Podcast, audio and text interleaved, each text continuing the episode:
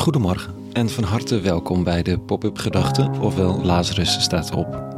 Ik ben Rico en ik schrijf overwegingen om de dag mee te beginnen. Vandaag met de titel Een plek van rust. Pop-up Gedachten vrijdag 29 april 2022.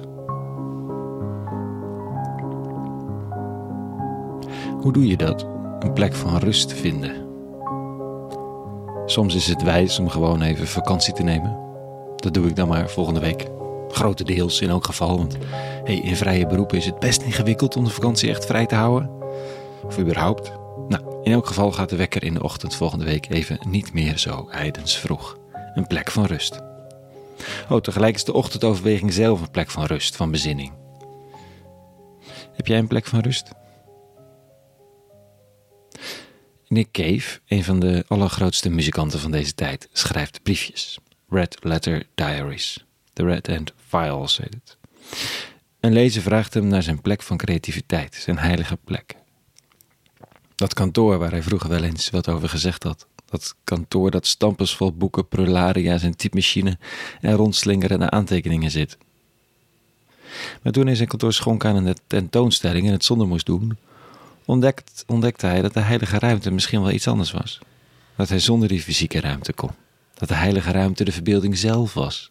Dat proces van creativiteit, de flow. Ondertussen is hij zich echt te gaan afvragen of dat wel klopt. En hij komt tot een nieuwe conclusie. Misschien is de heilige ruimte gewoonweg de wereld zelf.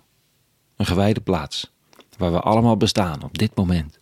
Waar we ons bezighouden met het leven in al zijn verschijningsvormen tegelijkertijd.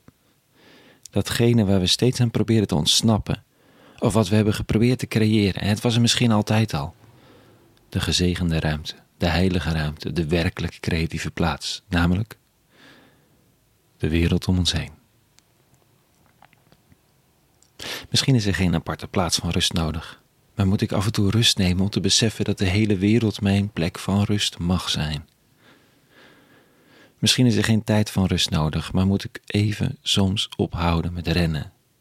Om te beseffen dat het rennen zelf een ontspannend sporten mag zijn of een vrolijk voortgaan. Omdat rust niet betekent dat je stilstaat. Vanochtend zegt Jezus tegen zijn luisteraars: Komt alle tot mij die uitgeput zijn en onder lasten gebukt, en ik zal u rust en verlichting schenken. Neem mijn juk op uw schouders. Leer van mij, ik ben zachtmoedig, nederig van hart.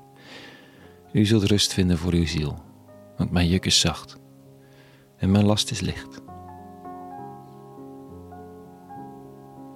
We hoeven niet af te reizen naar een speciale plaats. Geen goed moment af te wachten, geen bijzondere kleren te dragen, geen capriolen uit te halen. Het mag allemaal wel, maar het hoeft niet. Het is namelijk onder ons handbereik. In de stoel waar je op zit, de lucht die langs je huid strijkt, het fluiten van de vogels in de bomen en de zon op je gezicht. Of de stilte van een wattig wolkendek. Rust.